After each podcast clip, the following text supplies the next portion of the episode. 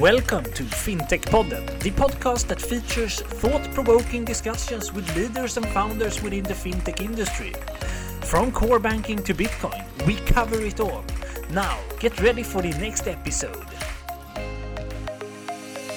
Hi, and welcome to FinTech Podden, recording from Stockholm FinTech Week. In this episode, we have a very interesting guest, Per Nordqvist from Finansinspektionen. Very welcome to the podcast. Hi, and thank you very much for having me today. Uh, how are you today?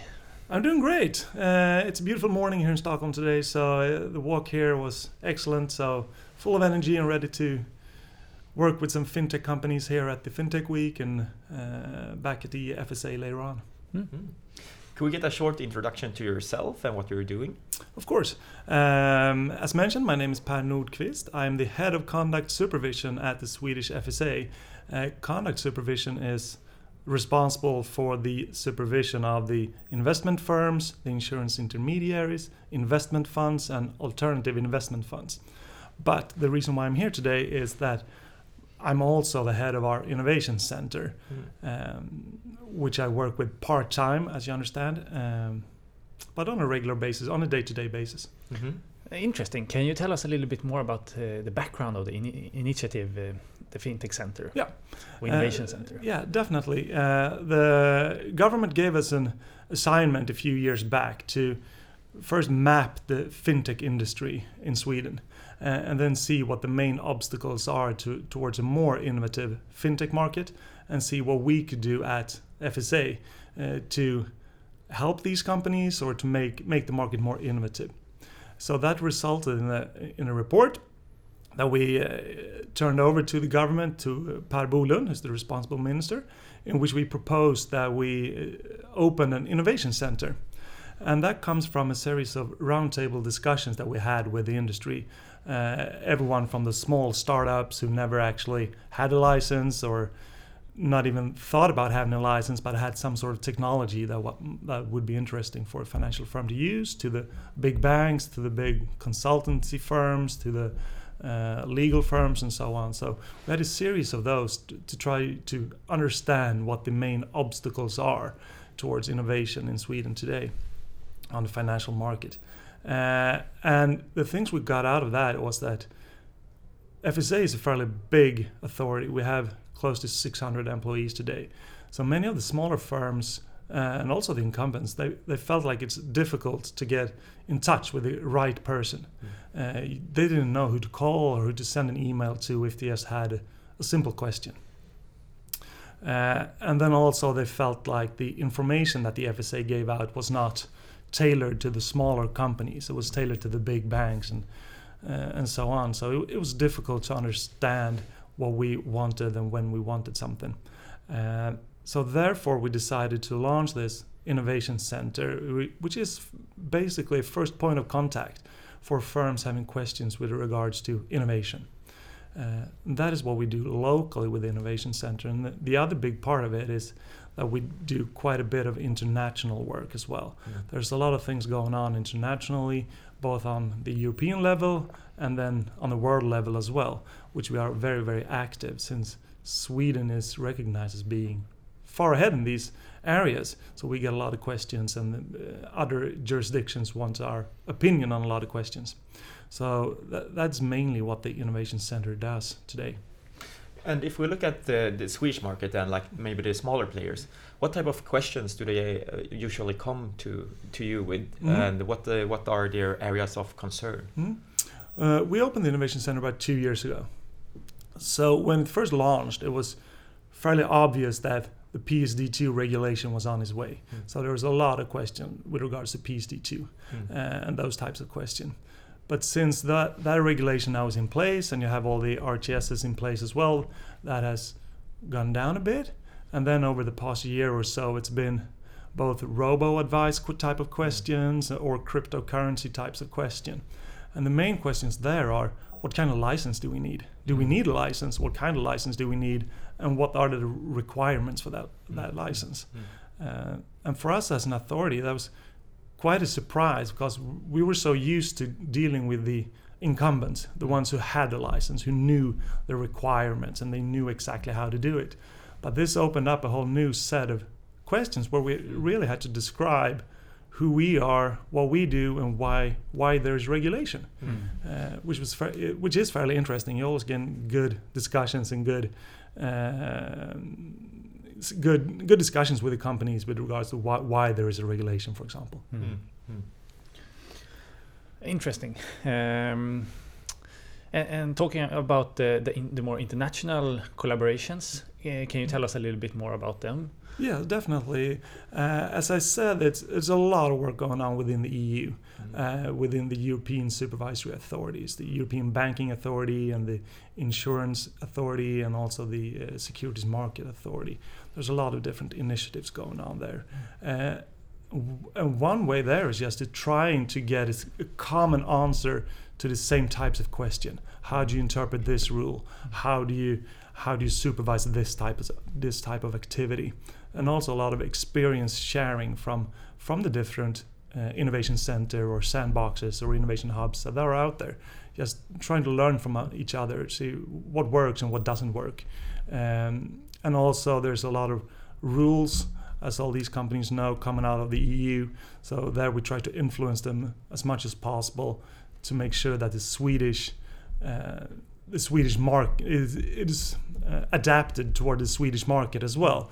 Since we are so far ahead on many of these questions, if if all the regulations would end up as an average of the European level, it wouldn't be good for Sweden because we are way f- way ahead of that. So we always try to push it forward to, towards being more innovative and more uh, make it easier for innovation. So that's on the Europe- European level, and then we have on a worldwide level. I think one of the main areas there is the IOSCO. It's the International Securities Market Standard Setting Organization. Uh, they have a fintech network in which we are part of the steering committee for. So we do quite a bit of work there, trying to get uh, best experiences from each other, trying to learn as much as possible to make this as um, good market as possible. And within, I think, within a few weeks now, we're going to publish a report on stable coins, uh, which is going to be interesting to read. Uh, it's a really good report. We worked quite a bit on that, uh, so that's coming up. I, I will try to read it.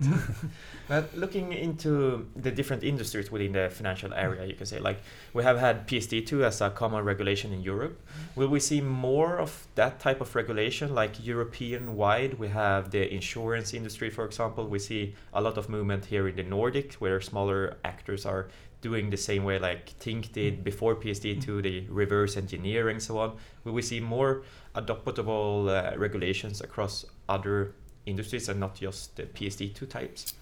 Uh, I think all, all the other spaces and PSD2. I mean, obviously here by the name you had a PSD1 before that, but you know in the insurance market they have their regulation already. The markets have their, the investment funds have their, but the, the the main thing going forward is trying to make those as technology neutral as possible. Uh, I mean, when the new investment fund framework comes out, for example, uh, it's important that the, that it's not based on old types of technology. That it's, Mm. it's going to be possible to innovate even in the investment fund sector and so on. So I'm not sure we're going to get that much more of sector specific or as clear cut as the PSD2 was, uh, but there's certainly going to be more innovation friendly uh, frameworks coming out. Uh, and I know now, for example, in, in March, the European Commission have uh, have a consultation out on a cryptocurrency framework, Mm. uh, which is uh, rather uh, a big consult, uh, big types of questions. Of how sh- how should we regulate this activity and so on. So that is probably going to come something there. Uh, like bef- previously in the in the podcast, we have had many entrepreneurs and, and fintech founders, and uh, when we ask them to give advice to other fintech founders and potential becoming entrepreneurs, uh, many of them mentioned that that uh, we should never you should never underestimate the regulatory side when getting into this business. What, what are your advice to like entrepreneurs and, and younger fintech players getting into this industry? Well, first advice, of course, would be to contact us and have a Mm. discussion with us. But if we can help along the way, just to give a few pointers what to think about, I think that helps quite a bit. Mm. Uh, and then you have to also you have to realize that the framework is there for a reason. It's Mm. either there for financial stability or the integrity of the financial markets or for consumer protection. So as long as you have that in back of your in the back of your head when you're designing your product or designing or setting up your company, I think you're gonna come a long way. Um, if you do that and have a discussion with us along the way, uh, we try to make it as uh, as good of a process as possible. Mm. But I mean, of course, we understand that some of these rules are difficult for small, smaller players and smaller entrepreneurs to live up to. But that's uh, the reason for that is, again, going back to the mandate of consumer protection, integrity of the financial markets, and s- stable financial markets. Yeah. But uh, yeah, so don't be afraid of contact you Exactly. early in the process. Exactly. Contact us and ask questions. Yeah. It's better to do right from the beginning. Yeah, much easier. Yeah. But if we look ahead uh, for the f- next five coming years here in Sweden, how do you see your role in the ecosystem evolving? Uh, are you happy with the position you have now, or do you think you will expand into other areas as well? Well, I think for us, mainly at the Innovation Center at FSA, it's where we do most good is when we get all the other lawyers and financial supervisors at the authority to understand that this innovation is going on, this is happening, uh, and make them understand how to cope with it. Uh, so we can see the right risks and do the supervision, design our uh, investigations at the right types of risks. Uh, the people now working at the Innovation Center, we're not going to do a whole big of a difference. I mean, we, it's just such a small part of the FSA.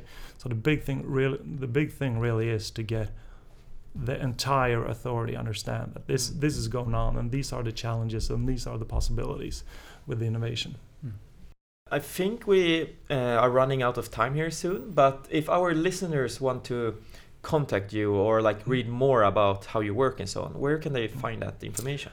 Uh, the first way would be to go to uh, fi.se, our website, uh, and also you, you have a specific part there with regards to the innovation center, and then we have the email address there, which is inno- innovationscentret at fi.se. Uh, so just contact us, send us an email, and we'll set up a meeting or a telephone call uh, and do the best we can do to help. And don't be afraid to contact you. Don't be afraid to contact us. Nice. Great. It's been really interesting to have you here. I'm sure many of our listeners appreciate uh, the information. Mhm. Uh, Yeah. And um yeah, let's continue the Stockholm FinTech Week. And thank you for being at our podcast. Thank you very much for having me. Thank you. Thank you. Bye bye. And that was it for today's episode. We hope that you liked it. Both I and Johan are very happy and thankful that you're listening to us. And if you like what we do here, please go into iTunes or whatever platform you're listening from and leave a review or a rate. We would appreciate that a lot. We will soon be back with another episode, and until then, have a good time.